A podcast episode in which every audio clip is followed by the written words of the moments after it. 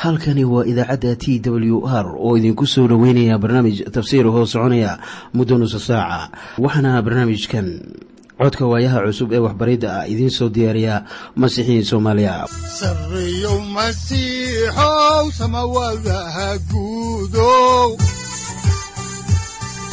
Siraadkii adduunkow subanaha eebow sareeyow masiixow samawadaha guudow siraadkii adduunkow subanaha eebow adigoo samaada jiro ifkan soo saldhiganba adigoo saamaada jiro ifkan soo saldhiganba kutubtiisanaaye sifahaaga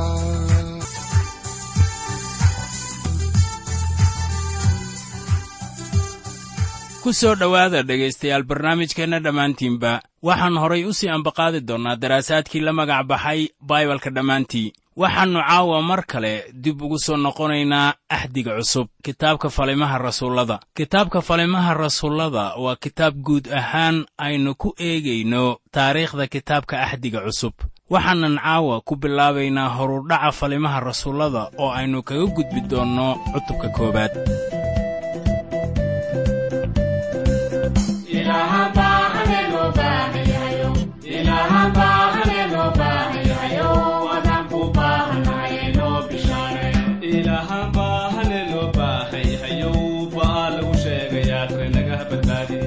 ilaha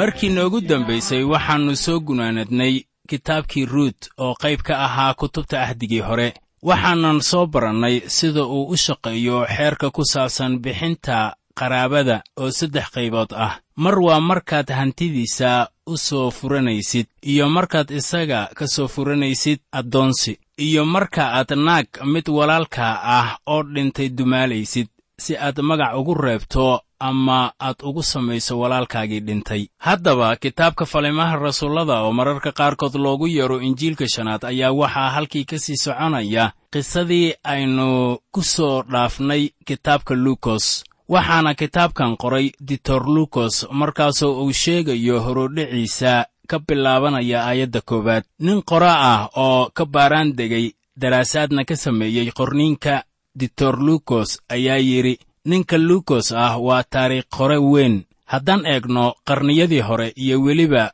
qarniyadeennan casriga ah ee maanta kitaabka falimaha rasuullada waa mid xusuus mudan dhan waliboo laga eego. Waa kitaab kaabad u noqonaya injiilada iyo waraaqaha ay rasuullada qoreen. Kitaabka axdiga cusub haddaannu lahayn kitaabkan falimaha rasuullada waxaa muuqan lahaa dhextaal weyn oo u dhexeeya waraaqaha rasuullada iyo injiilada waa qasab in la helo kitaab taariikheed u dhexeeya labadaasi wakhti. Waxaanay taasu keentay in haddii kitaabka falimaha rasuullada uu ka maqnaan lahaa qorniinka aan la heleen wax beddela iyo in kitaabku uu noqdo aasaasi ama muhiim. Haddaba injiilka sida matayos uu u qoray wixii ugu dambeeyey ee ciise laga qoray wuxuu ahaa sarakicidda taasoo lagu qoray kitaabka falimaha rasuullada cutubka koowaad. Injiilka sida markos uu u qoray oo ah ficilkii ugu dambeeyey ee ciise laga qoro ee ahaa sama'aadiddiisii ayaa weliba lagu qoray cutubka koowaad. Injiilka sida luukas uu u qoray ayaa tii u dambaysay ee uu qoray waxay ahayd ballanka ruuxa quduuska ah. Xitaa taasuna waxay ku qoran tahay cutubka koowaad injiilka sida yooxanaa uu u qoray waxaa ugu dambaysay qisada ku saabsan imaanshaha labaad ee masiixa. Waxaad haddaba qiyaastaa xitaa xaqaa'iqaasu inuu ku qoran yahay kitaabka falimaha rasuullada cutubka koowaad. Waxay u muuqataa in afartii injiil laysku daray oo lagu soo koobayo cutubkan koowaad ee kitaabka falimaha rasuullada. Waxaa kaloo ku qoran hawshii ergada masiixa taasoo afarta injiil ay qorayaan. Waxaana kaloo lagu sii adkaynayaa cutubka koowaad ee kitaabka falimaha rasuullada. Waxaannu arkaynaa in kitaabka falimaha rasuullada uu yahay sida sallaan la dul saarayo waraaqihii ay qoreen rasuullada. Waxaad ka helaysaa khibrado wax ku ool ah markaad wada akhriyayso labadaba. Waa waraaqaha loo qorayey kiniisadaha iyo kitaabka falimaha rasuullada. Falimaha rasuulladu waxay ina siinayaan taariikhda ay kiniisaduhu ku aasaasmeen. Kiniisadahaasoo waraaqaha ku qoran kitaabka axdiga cusub oo wixii ka dambeeya kitaabkan falimaha rasuullada aynu geli doonno loo dirayey kitaabka falimaha rasuullada wuxuu qorayaa bilowga kiniisadda iyo dhalashada kiniisadda kitaabka bilowgiina wuxuu qorayaa aasaaska jidhka ruux ahaaneed ee aynu u hibayno kiniisadda haddaba mawduuca uu ku saabsan yahay kitaabkan falimaha rasuullada waa aayadda siddeedaad ee cutubka koowaad oo leh haddii aynu idiin akhrinno sida tan. Laakiinse waxaad heli doontaan xoog markii ruuxa quduuska ahi uu idinku soo dego oo markhaatiyaal ayaad iiga noqon doontaan yeruusaalem iyo yuhuudiya oo dhan iyo samaariya iyo meesha dunida ugu fog. Kitaabku wuxuu u qaybsamayaa caadiyan si waafaqsan aayaddan furaha u ah kitaabka. Toddobada cutub ee ugu horreeya ayaa waxaa ku qoran sayid ciise masiix oo ku imaanaya ruuxa quduuska ah oo howlo ka dhexeeya rasuulladii joogay yeruusaalem cutubka siddeedaad ilaa iyo kan laba-iyo tobanaad. Waxaa ku qoran sayid ciise masiix oo ku imaanaya ruuxa quduuska ah isagoo howlo ka dhexeeya samaariya iyo yahuudiya. Inta ka harsan cutubka ayaa waxaa ka hadlaya sayid ciise masiix oo ku shaqaynaya ruuxa quduuska ah oo howlo ka dhexeeya rasuullada warka gaarsiinaya dhulka meelaha ugu fog. Kitaabka falimaha rasuullada ma ahan wax dhammaystiran. Waxay qisadu ku kala go'aysaa bawlos oo jooga guri uu ka kiraystay roma oo mana lahan dhammaad. Miyaad haddaba garanaysaa waxa taasu sabab u ah?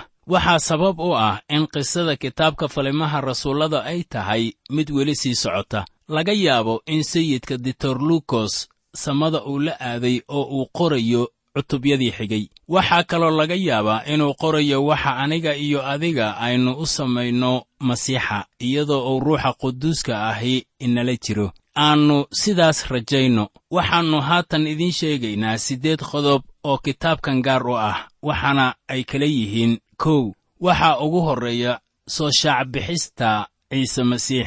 Ciise masiix haatan wuu ka tegay xertiisa uu baxay wuxuu samada gelayaa markaan gaarno cutubka koowaad ee kitaabka falimaha rasuullada. Laakiin weli howl buu hayaa waxaana la odhan karaa wuxuu beddelay jegadiisii iyo halkii uu joogi jiray. Wuxuuna haatan raray xaruntiisii markii uu dunida joogay ayaa xaruntiisu ay ahayd. Sidaan horayba idinku soo sheegnay kafarna'um. Haatanse xaruntiisu waxa weeye gacanta midig ee aabbaha waxaan markaasi arkaynaa in sayid ciise masiix uu noqday mid iliqabatay ah oo soo shaacbaxay. Wuxuuna howl ka hayaa halka uu joogo ee ah samada sare ama jannada. Labo qodobka labaadna waxa weeye soo shaacbixinta ruuxa quduuska ah. Masiixu wuxuu ballan qaaday inuu soo diri doono ruuxa quduuska ah. Ballankan waxaa laynoogu sheegayaa injiilka sida yooxanaa uu u qoray afar goor marka koowaad waxaa laynoogu soo qoray yooxanaha cutubka koowaad aayadda saddex iyo soddonaad.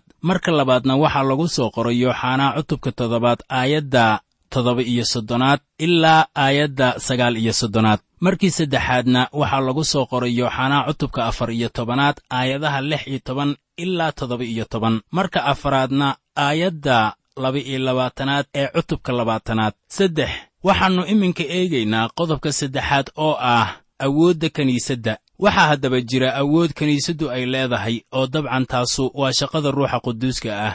Awoodda kiniisadii hore laguma bayaamin kiniisadaha maanta. Maxaa haddaba taasi sabab u ah waxaa sabab u ah in kiniisadihii hore ay ku shaqaynayeen heer sare oo ruux ahaaneed taasoo aan lagu arag ama aan lagu xagsanin qarniyadii ka dambeeyey. Waxaa markaasi cad in uu ahaa ruuxa quduuska ah oo ka dhex shaqaynaya rumaystayaasha dhexdooda markaasoo howl waliba ee ay qabtaan ay rajo iyo ammaan u keenaysay sayid ciise masiix qodobka afraadna waxa weeye soo shaacbixiddii kiniisadda hadday noqon lahayd hab muuqda iyo haddii ay noqon lahayd hab qarsoodi ah. Kiniisaddu waa hannaan cusub waxayna ku soo baxaysaa kitaabka falimaha rasuullada. Shan haddaan qodobka shanaad eegnana wuxuu ka hadlayaa soo shaacbixista goobo caan ah.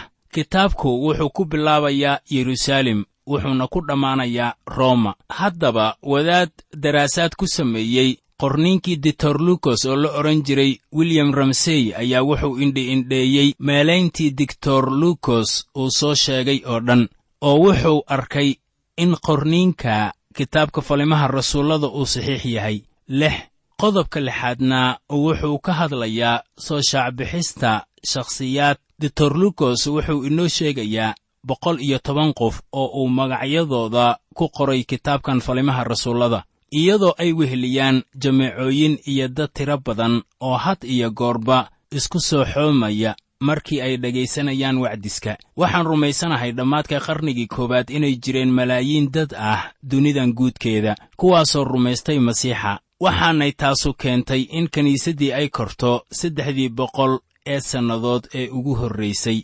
waxaanay haatan u muuqataa in kiniisaddu ay yaraanayso isla sidii sayidkeennu uu yidhiba ama uu saadaaliyey. Qodobka toddobaad wuxuu ka hadlayaa soo shaacbixista sarakicidda masiixa. Haddaba sarakicidda ayaa waxay tahay gundhigga farriimaha injiilka. Waxaa jira wadaaddo badan oo hal mar oo keliya ka hadla ciidda ku saabsan munaasibadda istarka taasoo la qabto maalintii sayidka uu ka sara kacay dhimashada oo ku aadan had iyo goorba bilaha abriil amase maaj waxaase jira hal wadaad oo doortay inuu khudbadda maalinta sarakicidda loogu tala galay soo jeediyo wakhtigii ciidda bentekost oo aalaaba ku aadan bisha agosto horraanteeda.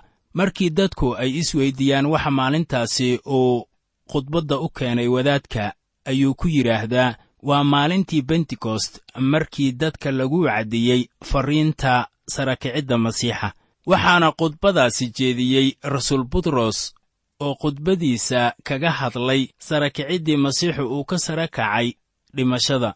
Markaas in la naadiyo in sarakiciddu ay tahay hubaal ayaa ah farriinta qofka wadaadka ah laga doonayo. Maalintaas ayuu butros dadkii dhegaysanayey ee isku soo baxay u fasiray wixii dhacay maalintaasi inay ahayd hubaashii in masiixu uu sare kacay oo uu haatanna fadhiyo gacanta midig ee ilaah oo uu ruuxa quduuska ah ku soo shubay dunida. Waxaa haddaba waxyaabahaasi oo dhan asbaab u ah sarakiciddii masiixa waxaanad ogaanaysaa haddii aad dirsato in sarakiciddu ay tahay arrin gundhig u ah farriintii bawlos haddaba haddii nin uu doonayo inuu wacdiyo dadka ha ku wacdiyo sarakicidda masiixa oo dadka ha u sheego in masiixu uu sare kacay. Qodobka siddeedaad ayaa isna ka hadlaya soo shaacbixintii butros sida ku qoran qaybta koowaad ee kitaabkan iyo soo shaacbixintii bawlos oo iyana ku qoran qaybta dambe ee kitaabkan falimaha rasuullada. Waxaase jira in laga tegay rasuulladii kale. Waxaanse hubaa inay jirto asbaab ka dambaysa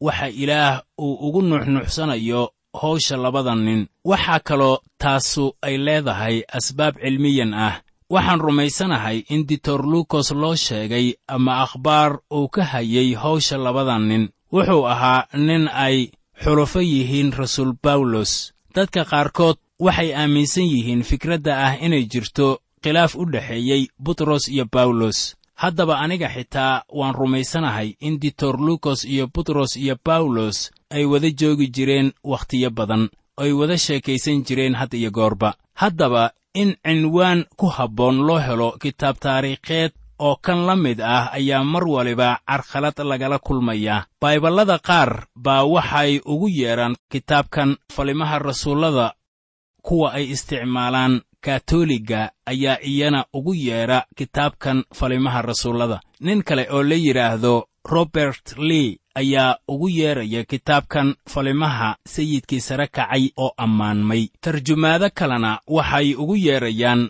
habab kala duwan laakiin waxaa gunaanadka cinwaanku uu noqonayaa sayid ciise masiix oo shaqo ka dhexaya rasuullada isagoo ku imaanaya ruuxa quduuska ah. Haddaan intaasi ku soo koobno dhegaystayaal horudhaca kitaabkan falimaha rasuullada ayaannu haatanna soo gaarnay cutubka koowaad ee kitaabka falimaha rasuullada cutubkan koowaad ayaa mawduuciisa uu noqonayaa u diyaargarowga imaanshaha ruuxa quduuska ah. Sidii aynu idinku soo sheegnay horudhaca kitaabka oo siday ila tahay cinwaan looga dhigi karo kitaabka falimaha rasuullada sayid ciise oo shaqo ka dhexaya rasuullada isagoo ku imaanaya ruuxa quduuska ah. Toddobada cutub ee ugu horraysa waxay muujinayaan ciise masiix oo howl ka dhexaya rasuulladii joogay yeruusaalem isagoo ku shaqaynaya ruuxa quduuska ah. Cutubka koowaad ee ku saabsan u diyaargarowga imaanshaha ruuxa quduuska ah ayaa waxaa kaloo ku qoran horudhac kooban. Soo celinta afartankii maalin ee ka dambaysay hawshii sarakicidda ee masiixa sama aadistiisii iyo ballanka ah inuu soo noqonayo dabeetana rasuulladii oo sugaya ruuxa quduuska ah ayaa waxay u qori tuuranayaan laba nin oo ku tartamaya inay buuxiyaan jegadii uu dhaafay yuudas waxaanan ku bilaabaynaa xigashada kitaabka falimaha rasuullada cutubka koowaad aayadaha kow ilaa laba oo ah horudhac waxaanay leeyihiin teofilosow hadalkii hore waxaan ka qoray wax kasta oo ciise u bilaabay inuu sameeyo uu baro. Ilaa maalintii sare loo qaaday isaga oo ka dambaysay wakhtiguu ruuxa quduuska ah ku amray rasuulladii uu doortay. Haddaba markuu leeyahay hadalkii hore ayaa hadalkaasi uu noqonayaa injiilkii uu qoray luukos oo isagaba loo dirayey ninkan la yidhaahdo teofilas oo marka la eego macno ahaan magaciisa uu ka dhigan yahay kan ilaah jecel waxaan haddaba si buuxda u diidanahay fikradda sheegaysa in warqadda ama farriinta ditor lukos uu qorayo ay lahaayeen mid waliba ee ilaah jecel sida muuqata lukos wuxuu garanayey nin magaciisa la yidhaahdo teofilas oo magacaasuna wuxuu ku hagaagsan yahay macno ahaan kii ilaah jeclaa. Waxaa injiilka lukos qoray uu ka hadlayaa wax kasta ee ciise uu bilaabay ee ahaa ficil iyo waxbaris oo kitaabkan falimaha rasuullada wuxuu ka hadlayaa ficil iyo waxbarid. Weliba maanta ciise masiix wuxuu sameeyaa waxyaabo ficil ah oo waxbaridina ayaan ka maqnayn ilaa uu wada helo kuwiisa dunida jooga. Marka uu leeyahay ilaa maalintii sare loo qaaday isaga ayaa waxaa caddaan noqonaya in sama'aadistiisu aysan ka macno ahayn inuu joojiyey ficilkiisii iyo waxbariddiisii laakiin haatan isagoo fadhiya gacanta midig ee ilaah ayuu weliba ku shaqaynayaa ruuxa quduuska ah isla amarada ciidamadu ay nin uga yimaadaan oy ciidanka uga dhex shaqeeyaan ayaa sayid ciise masiix uu ku shaqaynayaa ruuxa quduuska ah. Ruuxa quduuska ah wuxuu ka dhex shaqaynayaa rasuullada oo wuxuu inoogu imaanayaa aniga iyo adiga halka aynu joogno taasina waa hadal caaqibo leh. Waxaannu haatanna eegaynaa maaddada ku saabsan hawsha afartankii maalmood ee ka dambaysay sarakicidda masiixa ditor lukos wuxuu halkan ku isticmaalayaa jumlooyinkiisii uu wakhtiga ku xusi jiray oo soconaya ilaa iyo aayadda afaraad. Haddaan iminka eegno aayadda saddexaad ayaa waxaa ku qoran sida tan. Markuu xanuunsaday dabadeed iyagii ayuu isagoo nool waxyaalo badan oo la hubo isagu muujiyey oo muddo afartan maalmood ah ayuu iyagii u muuqday uu kala hadlay waxyaalaha ku saabsan boqortooyada ilaah. Waxaa qoran in isagoo nool uu waxyaalo badan oo la hubo isugu muujiyey. Kadib markii la silciyey oo uu dhintay waxaa jira toban goor oo ciise uu muuqday kadib sarakiciddiisii hawshii uu qabtay markii uu dhimashada ka soo sara kacay sida muuqashooyinkanba lagu caddeeyey ayaa waxay nolosha masiixiyiinta maanta u leeyihiin ahmiyad ballaaran. Haddaba waxaa jira kutub laga qoray wixii ka dambeeyey sarakiciddii masiixa oo mid ka mid ah ayaa waxaa la yidhaahdaa qabrigii marnaa. Wuxuuna ka hadlayaa hawshii sayid ciise masiix bawlos ayaa sidan uga hadlay wakhtigaasi isaga ah oo wuxuu yidhi sida ku qoran warqaddii labaad ee korintos cutubka shanaad aayadda lix iyo tobanaad sida tan taa aawadeed tan iyo haddeer ninna jidhka ku garan mayno. In kastoo aannu masiix jidhka ku garan jirnay haddase isaga sidaas u sii garan mayno. Haddaba aniga iyo adigu u garan mayno isaga siduu ahaa markii uu dunidan joogay kun iyo sagaal boqol oo sannadood ka hor. Waxaanse u garanaynaa inuu yahay nin ammaanta ilaah ku jira. Wuxuu haatan joogaa halkaas oo waa hubaaltaasu ilaa iyo imisa ayay mu'miniinta qaar ka marin habaabaan in masiixu uu joogo samada sare.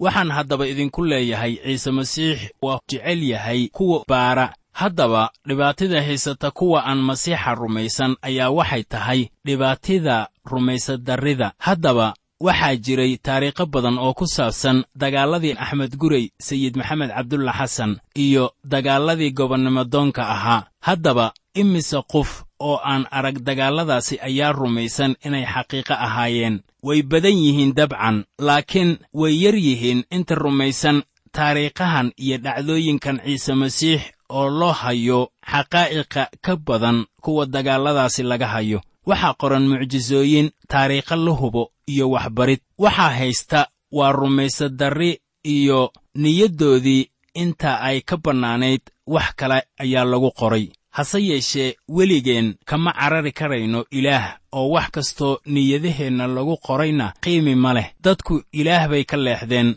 oo haddaanan rumaysnayn injiilka sidaa oo kale ayaa tahay dhibaataduna ma ahan.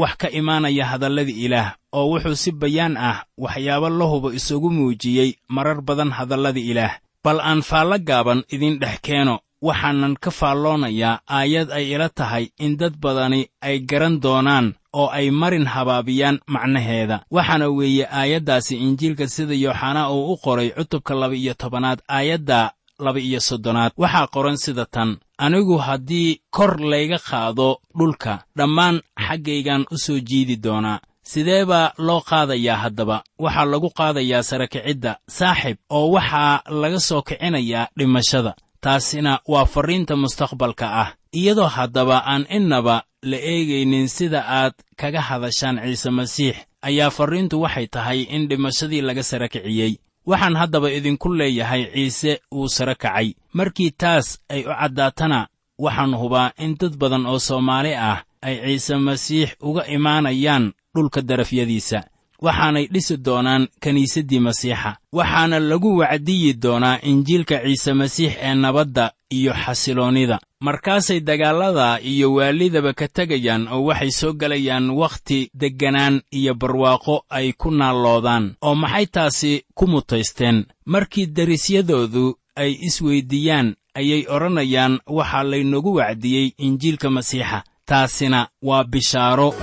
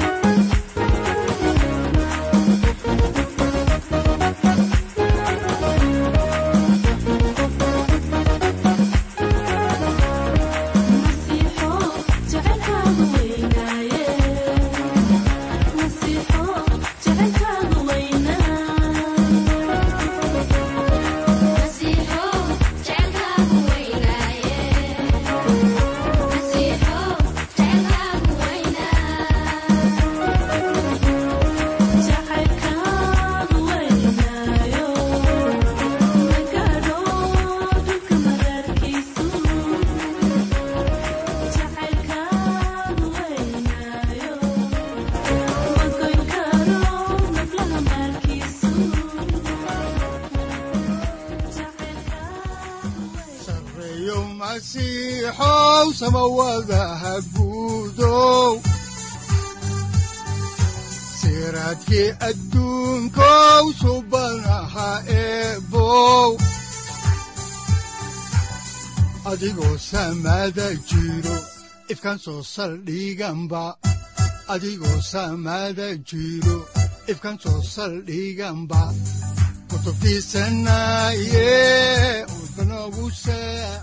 halkani waa t w r idaacadda t w r oo idinku leh ilaa ha idin barakeeyo oo ha idinku anfaco wixii aad caawi ka maqasheen barnaamijka.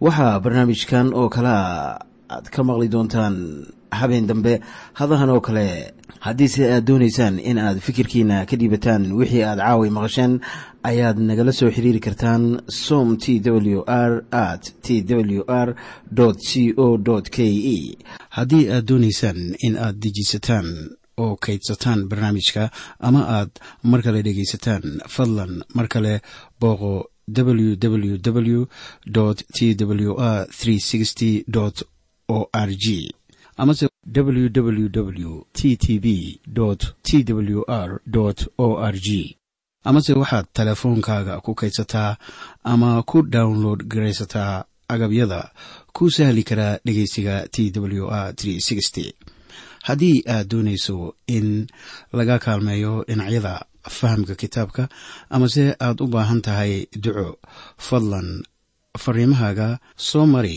bogga aaraahda ama kommentska inana jawaab degdeg ah ayaanu ku soo diri doonaa amase ku siin doonaaye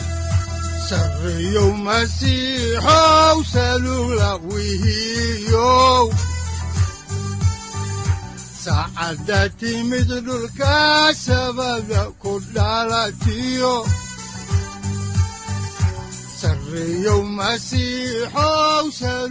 halkani waa t w r oo idiin rajaynaya habeen baraare iyo barwaaqaba leh. Inta aynu ka gaari doono wakhti aynu ku kulanno barnaamij la mida kan caawayay aad maqasheen. Waxa aan idinku leeyahay nabadda ciise masiix ha idinku badato xagga jidhka iyo ruuxaba. Aamiin